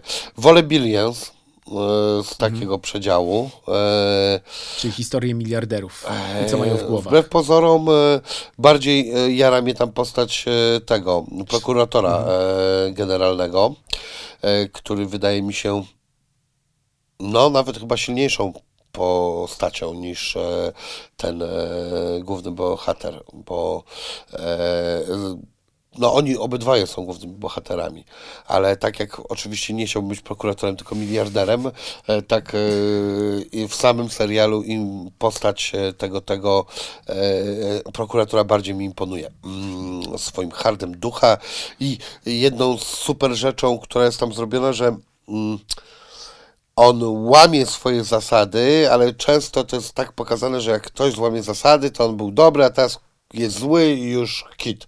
A tam jest właśnie pokazane, że on no niestety musiał je nagiąć, ale on dalej ma swój cel i po prostu się nauczył, że no nie zrobi tego wszystkiego tak czyściutko, jakby chciał. Trochę się musi pobrudzić, ale to nie jest to, że on robi 180 obrót i w drugą majkę. On dalej tam chce mm, e, stanowić prawo i tak dalej, no nie? A sukcesja co ten serial mówi tak naprawdę. Ja e, trochę w którymś momencie się skapnąłem, że to jest taka dynastia XXI wieku.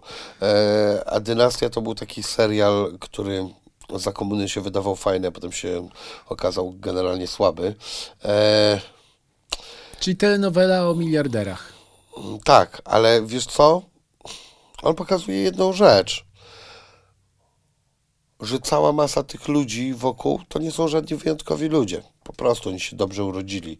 Jest ten ich stary, który jest po prostu e, pojebany i e, jakby e, no, zapracował na to wszystko. Umówmy się, brakiem jakichkolwiek zasad i empatii w życiu i ciężką pracą.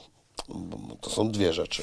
E, ale przecież to jest podły, ohydny, wstrętny, zły człowiek. Mm, Ale w drugim sezonie mam wrażenie, że trochę sympatii jednak nabiera się do niego. Ja nie mam do nie niego żadnej najgorszy. sympatii, bo dla mnie to jest e, gościu, który e, stworzył coś takiego jak szmatławce, czyli na przykład jak ten gościu od Sunday się nazywa.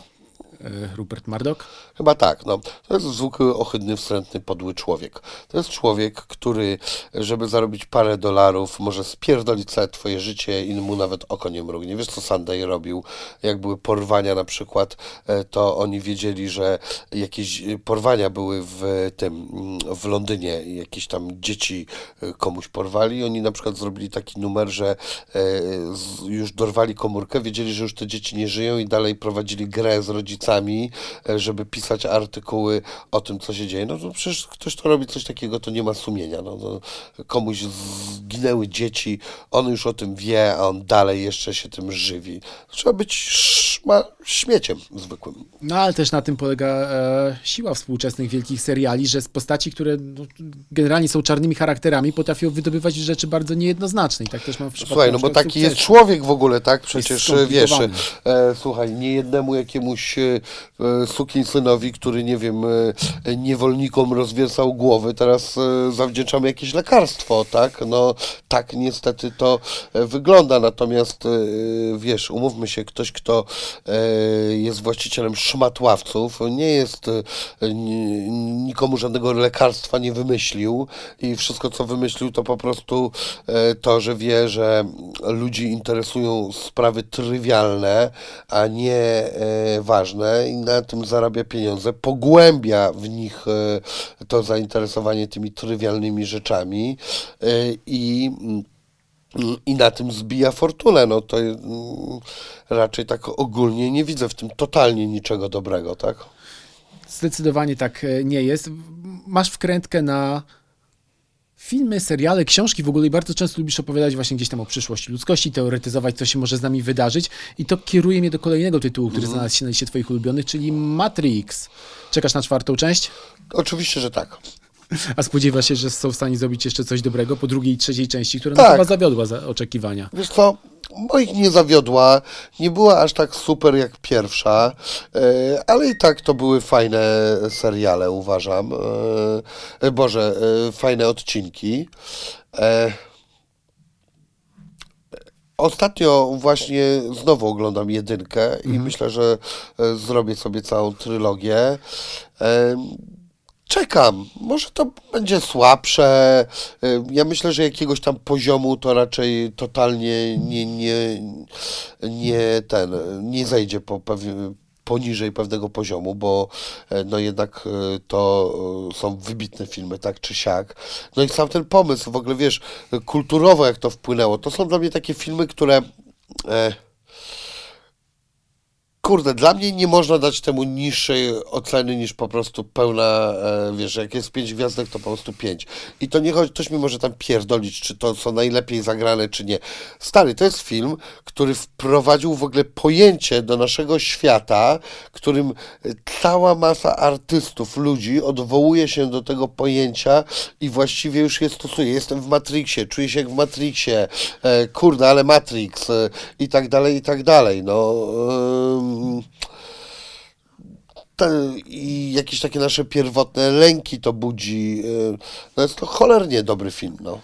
To jest też ciekawe, e, że jest pokolenie, dla którego jest to film kultowy, pokolenie, które oglądało ten film w kinie, ale jest też nowe pokolenie, na przykład dwudziestolatków, którzy Matrixa nie widzieli. Nie, No to niech idą do wiesz. kina i obejrzą, albo czy tam sobie niech e, gdzieś e, wejdą. Boże, na Netflixie teraz jest Matrix, wszystkie trzy części.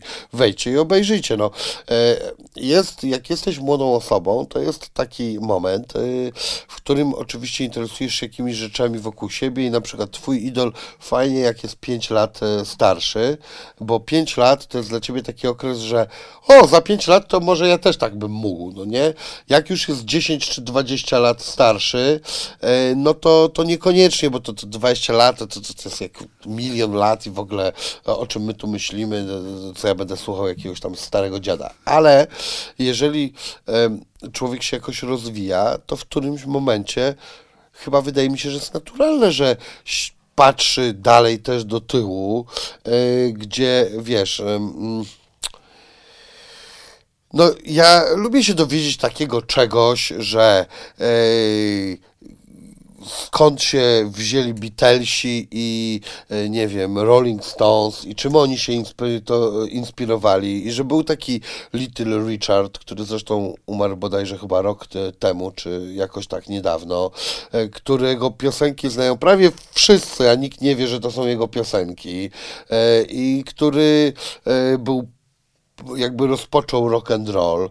I to fajnie jest się dowiedzieć takich rzeczy i sobie to sprawdzić, a czasami nawet może się czymś zainspirować. Tak samo w filmie e, uważam, że wiesz co, nie lubię takich filmów już e, poniżej, nie wiem, 60 czy nawet 70 lat, ale na przykład film Żądło dalej jest fajnym filmem do obejrzenia. Mm, I co, czemu ma ktoś nie sprawdzić Młody Żądła? Zajebisty film, sprawdźcie sobie, fajny kryminał. No właśnie, ale to jest problem. Ja, ja na przykład nie do końca wierzę, że wszystkim chce się sprawdzać na przykład stąd bierze się też popularność remake'ów, że być może każde pokolenie musi mieć tę samą historię opowiedzianą kolejny raz, że ludziom wcale nie chce się sięgać No to dalej. źle, szkoda. Nie są ciekawi świata. Są ludzie, którzy właśnie e, idą na emeryturę i mają milion super rzeczy do zrobienia. Są tacy, którzy siedzą w domu i mówią e, ja już wszystko przeżyłem. No, no, no. Niestety łatwo, e, przypuszczam, jest to wpaść. Lecimy dalej po liście. Seriale, bo tutaj też Mhm. dwa super tytuły. Najpierw The Office, brytyjskie czy amerykańskie? E, no i tutaj e, e, a, amerykańskie. Ze Steve'em Carellem. Tak. I e, jeszcze jest jeden przykład na Mhm. taki serial, gdzie tu ułamek sekundy czy sekundę muszę się zastanowić, ale powiem, że amerykańskie. Ale jest e, serial Shameless, Mhm. który powiem absolutnie amerykański, a w ogóle brytyjski to pff, widziałem kawałek, co to ma być. To jest w ogóle jakaś e, e, teatr, a nie żaden film. Gdzie Shameless amerykańskie, wow. Pff, strasznie dobry serial, no nie? Też jest różnica duża pomiędzy brytyjskim a amerykańskim, bo ile brytyjski, który nakręcił Ricky Gervais i zagrał w nim główną rolę, jest strasznie ponurym i takim dosyć mocnym serialem, A który mówimy teraz o Shameless czy mówimy o The o Office? The Office. Widziałeś brytyjską wersję? Tak, oczywiście. I tu y, sekundę mogę Mhm. się zastanowić, bo Ang- brytyjska też była niezła. Eee, mówię w stosunku do Shameless, bo Mhm. w Shameless uważam, że brytyjskie było słabe. Eee, chyba, że widziałem za mało odcinków, ale to, co widziałem, było dla mnie słabe. Eee, natomiast y, y, Amerykanie fajnie to wyciągnęli. To jest bardzo ciekawe, że zobacz, że większość y, tych filmów, które kupią Amerykanie, na przykład jest ten, e, ja zawsze z, niezniszczalni, czy jak o tym takim e, chłopaku e, z getta, który bogatego e, kolesia na wózku wozi samochodem. Nietykalni. Nietykalni. I to francuski film jest bardzo dobry, amerykański to jakieś gówno niewarte wspomnienia. E, I jest cała masa przeniesienia tych filmów e, na e, realia amerykańskie kończy się jakimś fiaskiem, przynajmniej intelektualnym. Nie mówię, że finansowym, bo zakładam, że finansowym nie. Natomiast e, mm, jeśli chodzi o te seriale, tutaj dziwne, ale wow, udało się zrobić coś lepszego nawet, uważam. Tak, w ogóle amerykańskie biuro było najchętniej streamowanym serialem w ogóle w 2020 roku.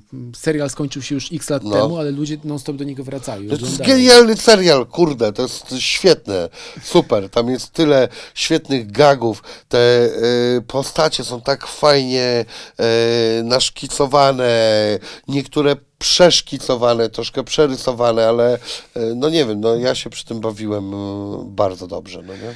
Biuro jest cieplutkim serialem, takim miejscem, do którego chce się schować i oglądać je, kiedy świat za oknem Tak, i to jest e, i fajny serial na, e, tak, e, że tak powiem, przysłowiowego kaca, gdzie nie trzeba e, zejść do poziomu, e, jak to mówi moja ciotka, poniżej deski klozetowej.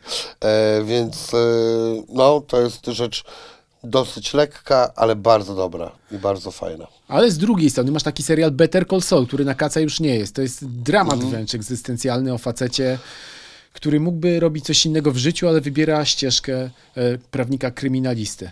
To jest prequel, spin-off Breaking Bad. Tak. Wolisz bardziej niż Breaking Bad? Nie oglądałem Breaking Okej. Bad e, i go nigdy nie obejrzę. Dlaczego? Prawda, e, wiesz co, ja mam różne fobie i tam główny bohater jest chory i ja nie oglądam o Okej. chorobach e, filmów i w ogóle dla mnie oglądanie doktora, no jakiegoś tam, Boże, ten jest taki znany doktor na przykład, co taki, co tam kuśtyka i ćpamfę, czy co, coś. Dr. House. No, House. Ja tego nigdy nie obejrzę. Ja wiem, że to jest bardzo dobry serial i prawdopodobnie bardzo by mi się podobał, ale ja nie będę oglądał czegoś, jak oni cały czas gadają o chorobach. Ja o tym nie chcę słyszeć. No to jak Nietykalnych obejrzałeś w takim razie, jeżeli mamy jednego bohatera, który jest... E, Yy, albo to jest Chory. kalectwo, a nie choroba. Okej, dobrze, Yy, I to, to nie ten, to nie jest moja fobia. Poza tym, akurat jeśli chodzi o nietykalnych, ja nie wiem czego obejrzałem yy, całego. To nie jest mój ulubiony film, ale umiem docenić, że jest bardzo dobrym filmem. Yy, Natomiast to też umiem docenić, jak tylko zobaczyłem tego, tego Boże komika yy, w tym yy, filmie. e, mówisz o czarnoskórym aktorze Omaru, Sa- o mnie, amerykańska Nie, czy by... amerykańska. E, Chris, Boże, ten, który grał też w Jumanji. Tak. Kevin Hart. Tak. Kevin Hart, e, jestem pełen podziwu dla e, pracowitości tego człowieka, natomiast on jest bardzo średnim e, komikiem i gównianym aktorem. I po prostu super fajnie, że mu się powodzie, jak, jak widzę jego twarz na jakimś filmie, to już wiem, że to będzie gówno. Są tacy aktorzy, którzy jak widzę, że oni w tym grają, to prawdopodobnie to będzie e, dobry film, to właśnie on jest takim kimś, że jak widzę, że on w tym gra, to prawdopodobnie będzie to gówniany film. E, I no, no, no więc tak to z nim jest niestety. No, No ale wracając jeszcze do Better Call Saul, bo to jest taki serial, w którym pozornie niewiele się dzieje. Trzy sytuacje na odcinek, bohaterowie, którzy Kurde, sobie to jest rozmawiają. genialny serial, to jest arcydzieło. To prawda. Ja pierwsze dwa e, odcinki musiałem się w, trochę w to wkręcić, ale potem się wkręciłem, no nie, no to w, w ogóle jak to się zaczyna, a potem się okazuje, nie wiem, za dwa odcinki, co się zaczęło w tym odcinku, dlaczego było w ogóle pokazane. Poza tym tam jest podobno cała masa nawiązań do tego Breaking Bad, które, nie, a może kiedyś zwalczę moje fobie i obejrzę Breaking Bad, bo wiem, że na bank by mi się podobał ten serial. E, więc e, mm, no i te postacie i ja lubię tego głównego bohatera, tak w ogóle. Uważam, że on, wbrew tam różnym przekraczaniom jakichś granic, to jednak, kurde, on jest, on jednak ma jakieś zasady, yy, jako on. Tylko cały czas je przekracza. Obiecuje sobie, że coś, sobie zro- że coś zrobi, będzie trwał przy czymś i potem... Pewne przekracza, a pewnych nie przekracza. E, powiedzieli mi jeszcze o tej postaci e, koledzy a propos Breaking Bad, że on jest tam chyba jedynym e, z tych wszystkich postaci, który, e, jak to się mówi, się nie rozpakował, czyli e, wziął i się e, na wszystkich nie wygadał policji. Chyba tak to się podobno kończy. No, A tam wszyscy dali dupy oprócz niego. E, no oczywiście jest to postać fikcyjna, a ja już to prawie gadam o jakby o jakimś żywym człowieku. No, ale a co jest kolejnym sezony- dowodem na to, że jest to bardzo dobry serial. no zwłaszcza jak się śledzi bohaterów przez ileś lat, przed kolejne sezony, to stają się niemalże członkami rodziny, jeżeli spędza się No tak, tyle czasu. ja e, bardzo mi się podoba ten serial, dla mnie jest ciekawy, dzieje się w nim cholernie dużo i jest naprawdę świetny. No to w takim razie spróbuj mimo wszystko swoje fobie odłożyć na bok i zobaczyć Breaking Bad, to jest inny serial, tam jest znacznie więcej akcji. Tak, wiem o tym. E, no ale nie wiem, zobaczę, no może tak, może nie, no. No dobrze, a tymczasem chciałem cię po- podpytać jeszcze, żebyśmy przeszli na rapowe podwórko. Bo coraz częściej polscy raperzy y, zostają aktorami. Mieliśmy y, Sobotę, mieliśmy Bonsona, mieliśmy Kalego, mieliśmy Wienia. Jak oceniasz ich y, osiągnięcia aktorskie? Śledzisz, oglądałeś w ogóle, nie, na przykład Proceder? Wienio tam zagrał lekarza, Kali zagrał Proceder to jest jaki film? o Hadzie. No nie wiem, czy to kogoś zasmuca, czy nie. Uważam za absolutnie fatalny film. Eee, w ogóle cały. Totalnie w ogóle dla mnie nic nie pokazał przede wszystkim tej postaci. Mm, Dobrze znałeś Hadę? e, Nie, znałem go słabo, e, ale znam całą masę e, e, opowieści e, tak zwanych insiderskich mm, i to, to nie była ta postać.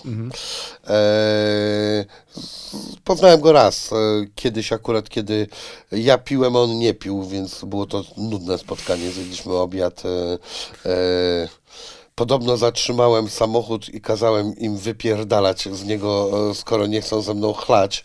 E, tak mi ktoś opowiadał, ja tego nie pamiętam, ale to był oczywiście mój żart, więc e, na pewno nie żaden tam brak szacunku do tych ludzi, ale tak mi ktoś opowiadał, że myśmy jechali samochodem, ja w tym momencie zatrzymałem go na środku, powiedziałem, żeby wypieprzali, skoro nie, nie pijemy.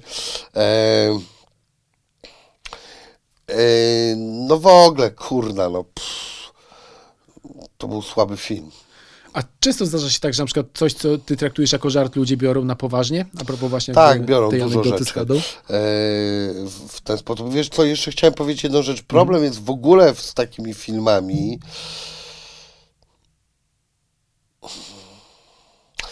Ja na przykład nie widziałem tego filmu o e, Magiku, który e, podobno jest lepszy. Tak, Jesteś bowiem. tak słyszałem. Bo te filmy z natury muszą kłamać. Nie, nie można wam, widzom, pokazać prawdziwego człowieka, bo byście zwariowali.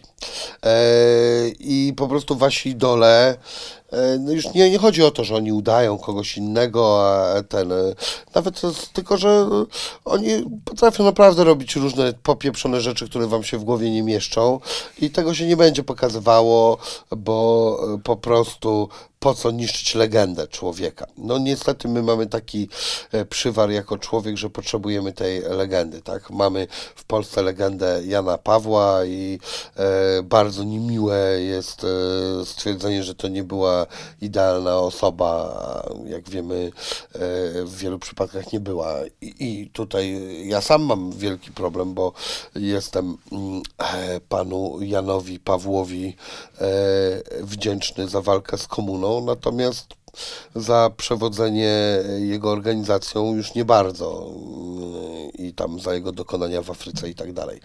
E, natomiast e, mm, e, z czego myśmy wyszli? Z Z oceny dokonań aktorskich polskich Aha, pff, nie wiem, nic tam wybitnego nie widziałem chyba, jakiegoś, żebym tak sobie przypomniał.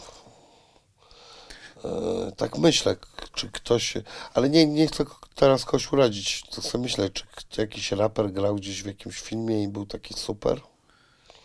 Myślę, że raczej tam byli bardziej niż grali. No tak mi się też wydaje. Ale- Nie przypominam sobie niczego wyjątkowego. Mm, Swego czasu mm, gościł u nas PZ i on powiedział coś takiego, że w- w Polsce nie uda się nakręcić dobrego i szczerego filmu o polskim hip-hopie, bo te filmy będą generalnie przekłamane. Twórcy tegoż filmu, z racji tego, że nie należą do tego świata, nie będą potrafili oddać pewnych niuansów. No dobrze, ale przecież można wziąć e, PZ-a, można wziąć mm, mnie czy kogoś innego. Na producenta I- kreatywnego na i przykład. Im to powie, co jest prawdziwe, a co nie, prawda? Czyli można się do ciebie zgłosić, jakby coś. Ma scenariusz o polskim hip-hopie. E, można, zależy. Słuchaj, ja mam pomysł na książkę, e, ale po niej musiałbym się wyprowadzić z Polski, więc e, e, e, milion złotych bym na niej zarobił, natomiast e, wymyśliłem sobie taką książkę Abecadło polskiego hip-hopu i opisałbym każdego rapera od e, litery A do Z, co ja o nim sądzę, co ja o nim wiem i jaką jest dla mnie osobą. E, musiałbym się wyprowadzić z Polski, no. Stefan Kisielewski miał chyba, swego- nie wiem, mam nadzieję, że teraz nie gadam bzdur, ale miał chyba jakiś taki alfabet, kiedy właśnie gdzieś tam postaci e, z życia społecznego, które otaczały go akurat w tym momencie, kiedy był, e, no, funkcjonował zawodowo, opisał w dosyć mocny sposób. No chyba nie musiał się wyprowadzić z Polski, ale rzeczywiście skandal jakiś był. Ale na przykład, jeżeli opowiedzieć, to nie opowiadać historii prawdziwej, o prawdziwych raperach, tylko fikcyjną historię, w której zabieramy prawdziwe historie. Nie wiem, uważam, że będą takie filmy wychodziły coraz częściej. Udaje się to w innych krajach, żeby było jasne. Polski hip-hop nie jest w żaden sposób bardziej wyjątkowy niż jakikolwiek inny hip-hop. Jeżeli jego wyjątkowość może tylko e, polegać na tym, że jest mniej agresywny niż e, hip-hop w innych krajach. E, Nasz hip-hop jest cały czas dosyć spokojny e, i, i bardzo dobrze. Ja wcale nie chcę, żeby ludzie się strzelali, żenili sobie kosy, czy Bóg wie co, żeby się działo, więc e, wcale nie uważam, że to źle, to bardzo fajne. po cholerę komu hip-hop jak w Ameryce, nawet w Niemczech jest w cholerę bardziej hardkorowo niż e, w Polsce. Um, całe te rodziny powymieszane w to gówno i tak dalej, i tak dalej, to już się żygać chce od tego. E, e, nie, nie, nie zgadzam się z PZ-em. Uważam, że będą takie filmy, że będzie ich dużo, będą je robili ludzie ze środowiska i będą to super filmy. Też mam pomysł na taki film na przykład. A myślisz, że polski hip-hop dopadnie w którymś momencie poprawność polityczna? Bo tak sobie myślę o tym, że, że, że mamy na przykład obecnie strajki kobiet. E, no i myślę, że, że, że, gdyby ktoś się tym zainteresował i zaczął słuchać i czytać teksty polskich raperów, to pewnie mógłby wziąć sobie na celownik e, całą listę twórców i uczynić z nich wrogów publicznych. Hip-hop stanie się łagodniejszy? Co zastanawiam się długo, bo takie pierwsze mm, odpowiedź e, takiego powiedzmy starszej troszeczkę osoby, czyli mnie, to byłby, że już dawno stał się łagodniejszy. Ale nie do końca tak jest, ponieważ początki hip-hopu moim zdaniem wcale nie były jakieś specjalnie hardkorowe. Eee, zależy oczywiście, co kto rozumie przez to słowo. Eee, nie, hip-hop będzie różny. Będzie i taki, i taki. Będzie i bardziej popowy, i bardziej... Um, hardkorowy, różne rzeczy są potrzebne. Będzie moim zdaniem różny. Swoją drogą, czy w ogóle bycie raperem, tak mi się wydaje, ma też sporo wspólnego z aktorem, nie? Bo w sensie raperzy często budują swój wizerunek, który często nie ma nic wspólnego z rzeczywistością, a to się pozują na hustlerów, podczas kiedy w rzeczywistości, nie wiem, żyją sobie w szczęśliwym monogamicznym związku, albo na gangsterów, którymi w rzeczywistości nie są. O Jezu, to jest strasznie skomplikowany temat, bo ci powiem tak, była rozmowa taka mm, e, takiego kogoś, kim teoretycznie mógłbym być za 30 lat. E, taki jest od wywiadów, e, taki już trochę starszy pan ma z 7-8 dych. E, mhm. Nie pamiętam jak on się nazywa, ale on ma taką serię programów, teraz mojego gościa nie trzeba przedstawiać. David Letterman. No. I on ten, i on ma rozmowę z Jay-Z i on zaczyna jedno z pierwszych pytań, mówi, no i to jest wasz ten hip-hop to jest taki prawdziwy i coś trzeba e, tutaj być tym, co się mówi i Jay-Z mu się śmieje w mordę i mówi, chyba żartujesz stary, to jest wszystko jedna wielka pierdolona bajka, jest paru raperów, którzy są prawdziwi, większość nie jest. E, ale teraz ta prawdziwość ją można e, rozkminiać na bardzo wielu poziomach, e, bo tak, w ogóle pierwsza rzecz, kto to jest gangsta raper? Gangsta raper to jest gangsta raper, a nie gangster. I to jest pierwsza rzecz. To nie jest, nie jest gangsta raper, nie powinien być nawet gangsterem, bo gangster nie powinien rapować. Bo co, co, co niektórzy gangsterzy robią, ale to jest y, jak to e, powiedziane w e, tym, w Adwokacie Diabła, uwielbiam e, ten ostatni tekst, kiedy diabeł się odwraca do kamery i mówi pycha mój ulubiony grzech. E, I to jest problem w ogóle e, gangsterów, e, przynajmniej niższego szczebla, nie mówię o jakichś zawodowcach ze służb specjalnych, czy jakichś tam innych takich topowych gangsterach, którzy pewnie nawet siebie nie rozpatrują w kategorii gangstera. No to to jest problem, że ci ludzie zrobią masę szalonych czynów i oni chcieliby, żeby ktoś o tym opowiadał. Oni marzą o tym, żeby zrobić o nich film i tak dalej, i tak dalej. Podczas gdy właściwie e, ich e, działania powinny być całkowicie osnute milczeniem, e, a nie jakąkolwiek opowieścią, tak? Natomiast słuchaj, jak złapali szefa Koza Nostry, to wiesz, co u niego leżało w domu? Hmm. Wszystkie części Ojca Chrzestnego. On się uczył od Malrona Brando, jak być gangsterem. Ja mam w ogóle takie powiedzenie, że największym gangsterem na świecie był Marlon Brando. Marlon Brando zyskał wszystko to, co gangsterzy marzyli, żeby mieć pieniądze, ale też właśnie takie e, strasznie płytkie rzeczy jak sława, jak podziw. Oni marzą o tym. E, natomiast od niczego nie zaryzykował. I jeszcze to gangsterzy od niego się uczyli, jak być gangsterem, podczas gdy on nie był gangsterem. E, To szef Kozanowski się uczył, jak gadać z e, klasą, jak zagrać oczami i tak dalej. On podobno te filmy trzaskał jak głupi, a siedział w jakimś domku na wsi, cały poskizowany, że go kiedyś w końcu aresztują za całą masę podłych rzeczy, które e, zrobił i w końcu go aresztowali. E, więc to jest taki paradoks, no nie? E, Natomiast tak, yy, raperzy a propos aktorstwa na pewno e, nadają się bardzo do jednej rzeczy. Wielu z nich by się nadawało do sitcomów, e, czyli e, do aktorzenia, nie do aktorstwa. I to ja nie miałbym żadnego problemu wystąpić w sitcomie, tak? W takim serialu jakiś tam, nie wiem, dwa i pół czy coś, to nie jest żadne aktorstwo, to jest aktorzenie i to są przerysowane sytuacje, śmiech można trochę przerysować i tak dalej i to wielu raperów by się w tym znalazło, ponieważ oni mają jedną rzecz.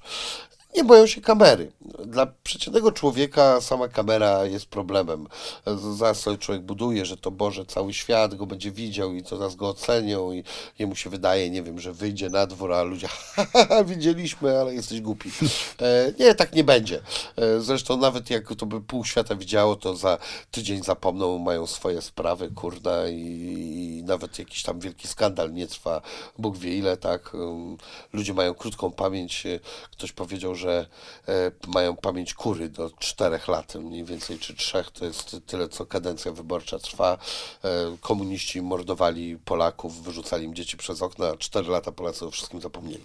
E, I super, do dzisiaj parę z tamtych osób jest uważanych za super świetne postacie, mówimy do nich per taki, per siaki, zwracamy się z szacunkiem, a przecież to są przedstawiciele systemu totalitarnego, czyli po prostu podli, ohydni ludzie. E, natomiast e, e, jeśli chodzi e, o to aktorstwo, no to takie coś wielu raperów jest w stanie robić. Natomiast bycie aktorem, mm, no tego trzeba się uczyć, nawet jak masz do tego talent, to, to jest tak jak wiesz, no nikt z talentem muzycznym nie siada do pianina i kurwa nie gra na pianinie. Się trzeba uczyć, na to trzeba godzin pracy, e, lat poświęceń. Najpierw Oczywiście- jesteś rzemieślnikiem, a dopiero potem możesz być artystą. E, Nie zgadza się. Uważam, że można na odwrót e, może być. Możesz być bardzo, możesz być na mega artystą po prostu ze słabym rzemiosłem. E, chociaż tak nie powinno być. Jako artysta powinieneś najpierw zdobyć rzemiosło, albo przynajmniej w trakcie e, je e, budować. Nie wiem, czy Banksy świetnie maluje artystą jest niesamowitym. E, Jego dzieła opowiadają w sumie bardzo przyziemną rzecz o tym, że gadające małpy są po prostu głupie, płytkie i beznadziejne i nie potrafią docenić niczego, co jest głębokie, a tylko e, płytkie rzeczy doceniają. Jest to smutna e, wizja człowieka, ale o tym opowiada e, większość jego dzieł albo znaczna część, którą ja widziałem. E, Natomiast jest to opowiedziane w sposób bardzo ciekawy, e, czasami intrygujący i taki nawet za, czasami zawo, zaawoluowany. Dobrze powiedziałem to słowo? Zawoalowany? Tak. Ale wniosek jest na końcu jeden. Zastanówmy się nad sobą, nad samymi sobą. No i ja nie wiem, czy on posiada akurat e, nie wiadomo jakie rzemiosło, tak? Natomiast masz całą masę ludzi, co skończą szkołę e, jakąś tam malarską, czy jakąś e, inną i powiesz mu, żeby on narysował jakiś, nie wiem, jak skomplikowany obraz i on go zerżnie jeden do jeden, a nic fajnego nie wymyślił, żaden z niego artysta, po prostu z niego rzemieślnik. To ręka mu nie drży, umie kreskę zrobić i wie, jak podrabiać kreski tamtych, siamtych, ale nie wymyślił własnej kreski. E, Nie, nie, jego obrazy nie są ciekawe. Także tutaj to moim zdaniem różnie się porusza, no nie? Natomiast uważam, że oczywiście jakieś minimum rzemiosła powinno się posiadać, e, robiąc sztukę. No, jak najbardziej. Czego ci życzyć w nowym roku? Zdrowia i kupy szmalu. I tego życzmy sobie wszyscy. Wydaje mi się, że to jest najlepsze życzenie, jakie można Zdrowia i kupy pieniędzy, o resztę dbajmy sami, bądźmy mili dla bliskich, a dla niebliskich przynajmniej znośni. To już wystarczy. I mówił to Wini, gość podcastu Mój ulubiony film. Bardzo dziękuję. Dziękuję ślicznie. O, dzięki. Essa.